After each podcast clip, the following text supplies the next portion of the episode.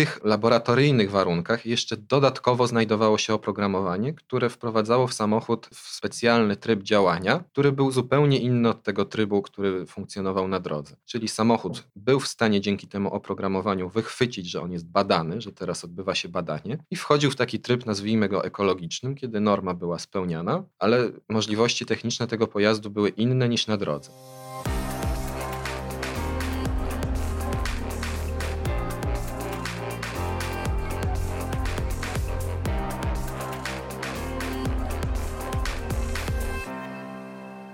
Krzysiek Grzyman, Zielony Podcast. Dzień dobry. Razem ze mną Konrad Kacprzak, wiceprezes Stowarzyszenia Osób Poszkodowanych przez spółki grupy Volkswagen. Dzień dobry. Dzień dobry. No i wracamy do Dieselgate. Wracamy do Dieselgate, czyli wielkiej afery tak naprawdę manipulowania wskaźnikami emisji spalin przez ten niemiecki koncern. Afera wybuchła w 2015 roku, a teraz wraca w Polsce za sprawą decyzji Urzędu Ochrony Konkurencji i Konsumentów, który nałożył rekordową karę na Volkswagena 120,5 miliona e, złotych. Ja nie pamiętam takich wielkich kwot nakładanych y, jako karę przez UOKiK i to jeszcze w takiej dość szczególnej sprawie. I co można powiedzieć, pan jako osoba reprezentująca poszkodowanych, że sprawiedliwości stało się zadość? Znaczy, no przede wszystkim y, wracamy w takim obiegu publicznym do tej sprawy, bo my jako stowarzyszenie nigdy jej nie zostawiliśmy. Cały czas reprezentujemy wszystkich poszkodowanych i pokrzywdzonych. Cieszymy się bardzo z tej kary, bo współpracowaliśmy z prezesem Urzędu Ochrony Konkurencji i Konsumentów od samego początku, od 2015 roku. I tak jak nasze stowarzyszenie wyrażało czasem jakieś zastrzeżenia co do pracy innych organów władzy publicznej, to do prezesa UOKiK od początku mieliśmy tych zastrzeżeń najmniej, dlatego że to postępowanie toczyło się od samego początku. Po około roku, dwóch y, zostało wszczęte już bezpośrednio przeciwko Volkswagen Group Polska z siedzibą w Poznaniu. No i na ten podmiot w końcu została nałożona ta kara w tej wysokości ponad 120 milionów złotych. Kara rekordowa, najwyższa w Polsce jak dotąd. Ale czy jest to kara za wysoka? Naszym zdaniem nie, bo i afera jest gigantycznych rozmiarów. W Polsce tych samochodów jeździ, jak się szacuje, między 150 a nawet 400 tysięcy. Poziom naruszenia prawa, y, praw, y, norm emisji spalin jest też y, gigantyczny. No ta norma była przekroczona wielokrotnie. Szacuje się, że 5, 8, 10-krotnie, zależnie od modelu pojazdu. I tak mówimy tutaj o normie Euro 5, czyli o tej historycznej, która już nie obowiązuje od y, około 5 lat. Więc no, skala naruszenia była bardzo duża, więc i kara naszym zdaniem jest adekwatna. Jeżeli tych samochodów faktycznie było 400 tysięcy, które e, miały zafałszowane wskaźniki emisji spalin, a kara wynosi 120 milionów złotych, to szybko dzieląc, wychodzi nam kara na e, jeden e, egzemplarz samochodu 300 złotych wydaje się, że jeżeli pomyśli się o zyskach wielkiej korporacji na sprzedaży, ja wiem, że oczywiście w branży samochodowej pewnie więcej zarabia się później na serwisie niż na samej sprzedaży pojazdów, to jednak to 300 zł w taką wielką karę już się nie wydaje, że iść to podzieli. No myślę właśnie, że powinniśmy patrzeć na to w ten sposób, że na jeden samochód to jest to 300, 400, 500 zł, zależnie od tego, ile tych samochodów rzeczywiście jest w Polsce. Oficjalnie jest to 150-200 tysięcy, bo tyle samochodów znajduje się w bazach y, grupy Volkswagen w Polsce.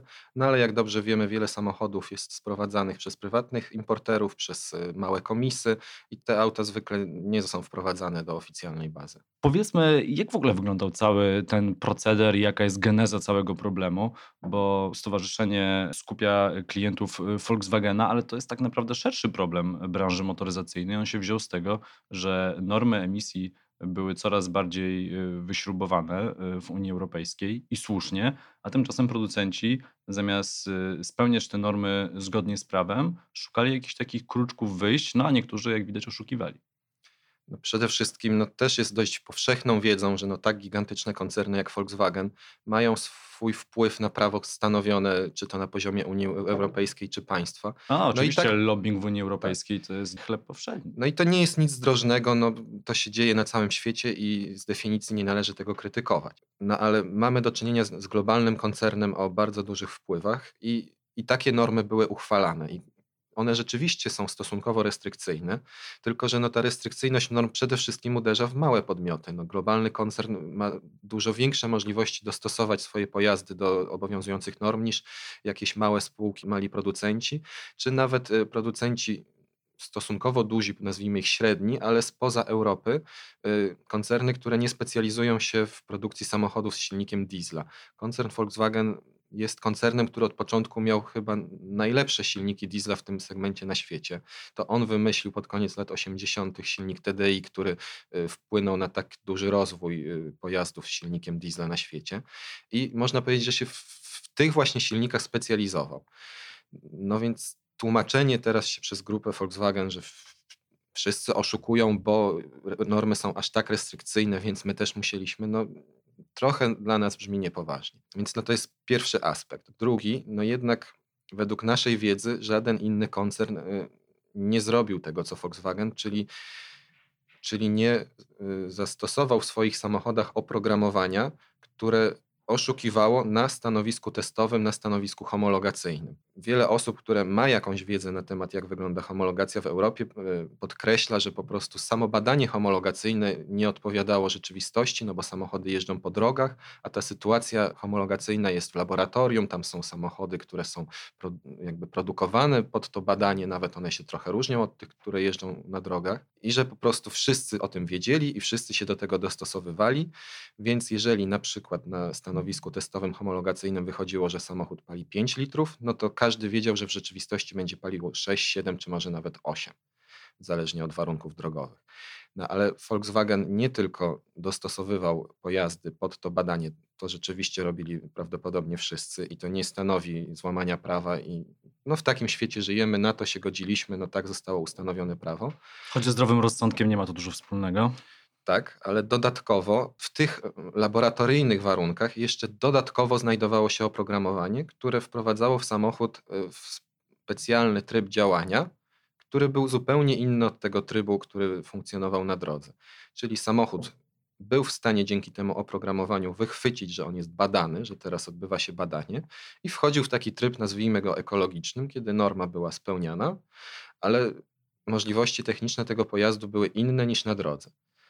Gdy już zjeżdżał e, z takiej hamowni, kiedy mm, końcowy produkt trafiał do konsumenta, no to ten pojazd działał w zupełnie innym trybie, trybie, w którym nie była spełniana norma ekologiczna, no ale możliwości techniczne były wyższe, satysfakcjonujące dla konsumenta podczas jazdy próbnej, podczas e, jakiegoś zapoznawania się z reklamami, testami, recenzjami, czy nawet jeżdżąc takim samochodem kolegi na przykład, no każdy konsument stwierdzał, no to jest bardzo dobry samochód, odpowiada mi, chcę taki.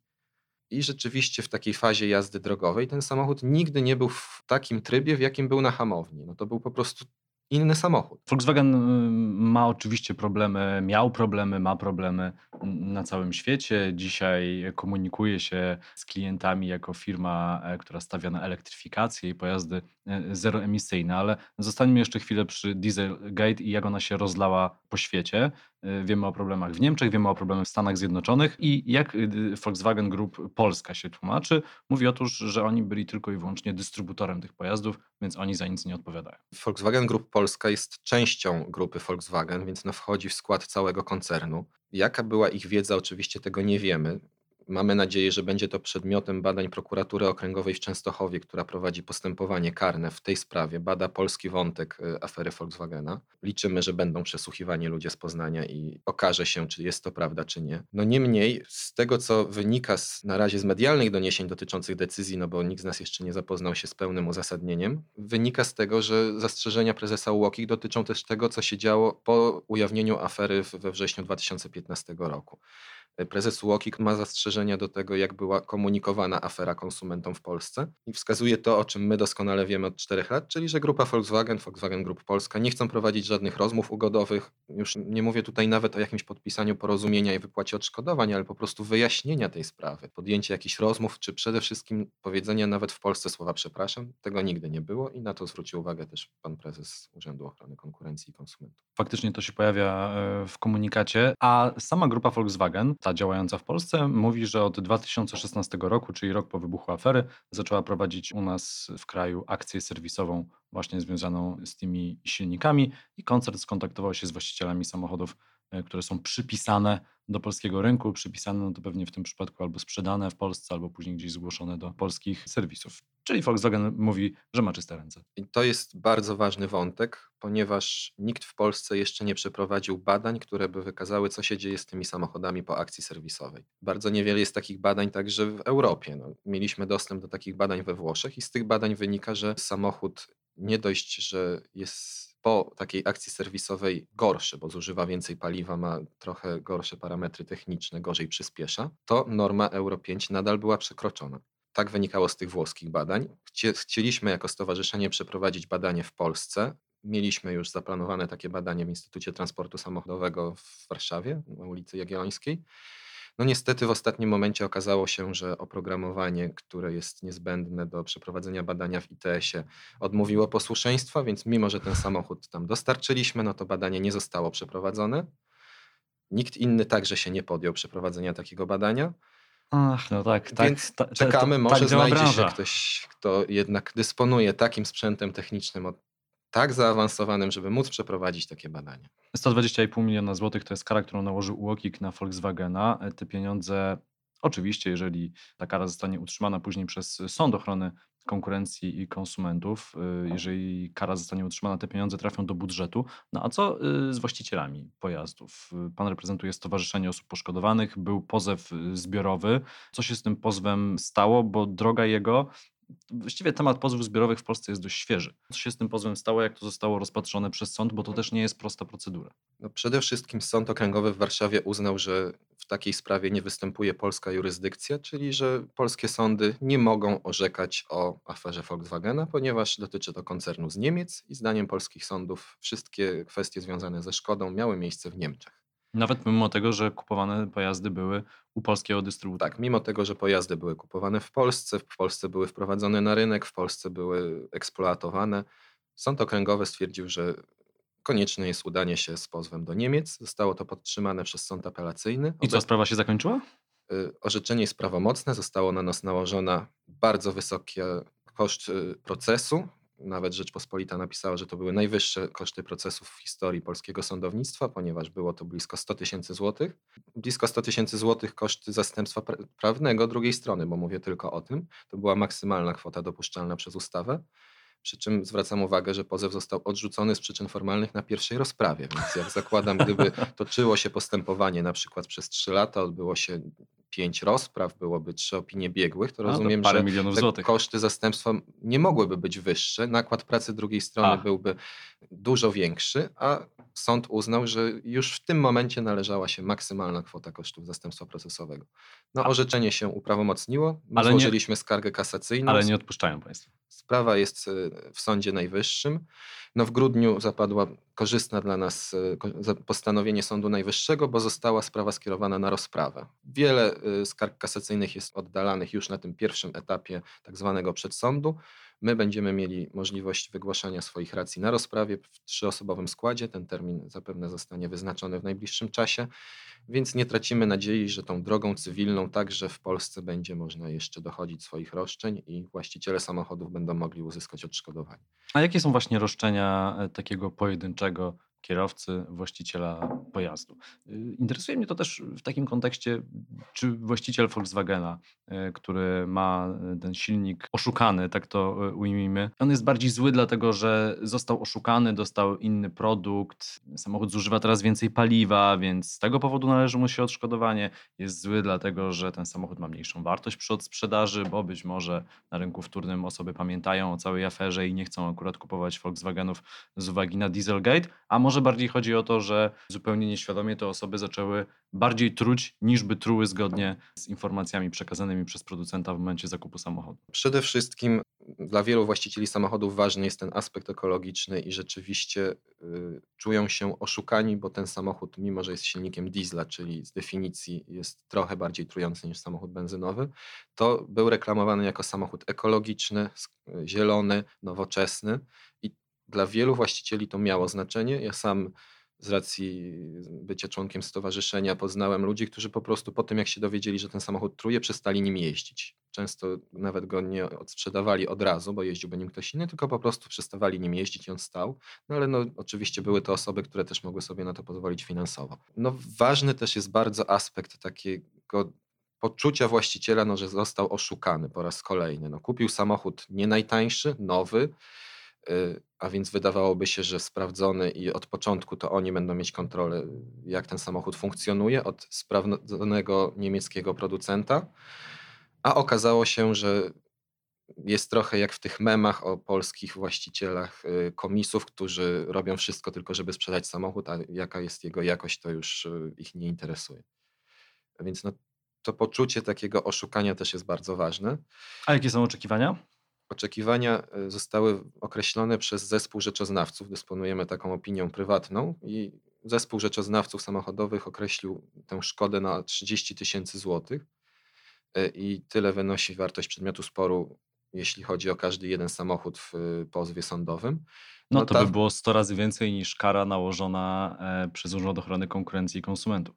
Oczywiście ta kwota musi być zweryfikowana w toku postępowania sądowego. Tam konieczne jest wydanie kolejnej opinii biegłych, którzy stwierdzą, czy my to zrobiliśmy poprawnie, a tak naprawdę nie my, tylko czy nas zespół rzeczoznawców, który do tego wynajęliśmy. Być może opinia biegłych będzie wskazywać, że jest ta szkoda jeszcze wyższa. Ciężko nam powiedzieć. No, Szacunek wskazuje, że jest to 30 tysięcy złotych na jeden samochód i jest to zbieżne z tym, co jest zasądzane na świecie, bo zwykle to jest około 6-8 tysięcy dolarów lub euro za jeden samochód. Wiem, że pytanie prawnika reprezentującego jedną stronę, jak ocenia szansę, że sprawę uda się wygrać, raczej nie ma sensu. E, ale gdyby powiedział Pan, co się będzie działo dalej i ile taka sprawa jeszcze może trwać? No, afera wybuchła w 2015 roku, rozmawiamy na początku 2020 i co dalej? Przede wszystkim w Polsce kluczowe jest orzeczenie Sądu Najwyższego. Jeżeli Sąd Najwyższy stwierdzi, że jednak występuje polska jurysdykcja i sprawa może się toczyć w trybie postępowania grupowego, to sprawa trafi do pierwszej instancji. Ja zakładam, że to orzeczenie Sądu Najwyższego będzie w, nawet w pierwszej połowie jeszcze 2020 roku, a na pewno w 2020 roku, no tak przynajmniej liczę. Jeżeli sprawa trafi z powrotem do pierwszej instancji, wtedy otworzy się prawdopodobnie taki trzymiesięczny okres, kiedy każdy poszkodowany będzie mógł przystąpić do tego pozwu. Zakładamy, że może to być nawet kilkanaście tysięcy osób, czyli około 10, trochę może mniej procent wszystkich właścicieli. Y, I po tym, jak się uformuje ostatecznie ta grupa, sprawa trafi do rozpoznania merytorycznego. No, jest tam wskazanych przez nas kilku świadków, których należy przesłuchać. Zapewne będą też dowody zgłoszone przez drugą stronę. Kluczowe znaczenie będą mieć opinie biegłych, no bo jest to sprawa bardzo techniczna. Potrwa taki proces w pierwszej instancji pewnie około roku, może dwóch, no bo jaka by ta opinia biegłych nie była, to druga strona będzie ją kwestionować. Następnie zapewne apelacja, być może kolejna skarga kasacyjna, więc w którym roku już będziemy? Spodziewam się, że taki prawomocny wyrok, jeżeli sprawa trafi do merytorycznego rozpoznania, może być wydany w 2022, może trzecim roku. E, czyli na tę sprawiedliwość e, trochę trzeba e, poczekać. Z racji zawodu pan śledzi wszystkie takie sprawy. Z tego co ja kojarzę, takich tematów na styku klient-korporacje aż tak dużo w Polsce do tej pory nie było. No jeżeli spojrzymy na przykład na Stany Zjednoczone, to tam pozywanie korporacji jest raczej na porządku dziennym, ale na pewno i w Polsce ludzie sobie zdają już sprawę, że y, w naszym życiu gospodarczym korporacje mają ogromny wpływ, szczególnie te transnarodowe, mają ogromny wpływ na to, jak kształtuje się w danym kraju prawo, na ile może sobie pozwolić dany sektor. To jak pan ocenia dzisiaj tę sprawę i tę relację sądową drobny klient, konsument a wielka korporacja. No okazuje się, przynajmniej na razie, że można w Polsce kogoś oszukać i nie zostać pociągniętym do jakiejś wielkiej odpowiedzialności. Tu jest bardzo duża rola właśnie organów władzy publicznej. Przede wszystkim w tej relacji konsument-korporacja, y, no to prezesa Urzędu Ochrony Konkurencji i Konsumentów. Kara 120 milionów, no mimo wszystko jest karą rekordową, więc no ja nie powiem, że ona jest za niska. Zawsze mogłaby być wyższa, no ale lepsza taka kara niż żadna. I to na organach władzy publicznej spoczywa rola obrony konsumentów i na prezesie UOKiK, ale też i na przykład na prokuraturze, dlatego bardzo nas e, cieszy to, że w Częstochowie toczy się to postępowanie. I też skłamałbym, gdybym powiedział, że nie ma wpływu na sędziów to, że toczy się sprawa karna, że została wydana decyzja przez UOKiK, no bo sędziowie mają też z tyłu głowy ten czynnik społeczny, mają też e, to, że to nie oni będą pierwszymi, którzy wydali przełomowy wyrok, no bo spodziewam się, że większość sędziów wcale nie chce wydawać takich y, trudnych, przełomowych wyroków. Y, jeżeli już mamy do czynienia z decyzją UOKiK, jeżeli sędzia się dowie, że na zaawansowanym etapie jest sprawa karna, no to też y, myślę, że będzie mu łatwiej psychicznie wydać wyrok, który można nazwać przełomowym w tym aspekcie cywilistycznym.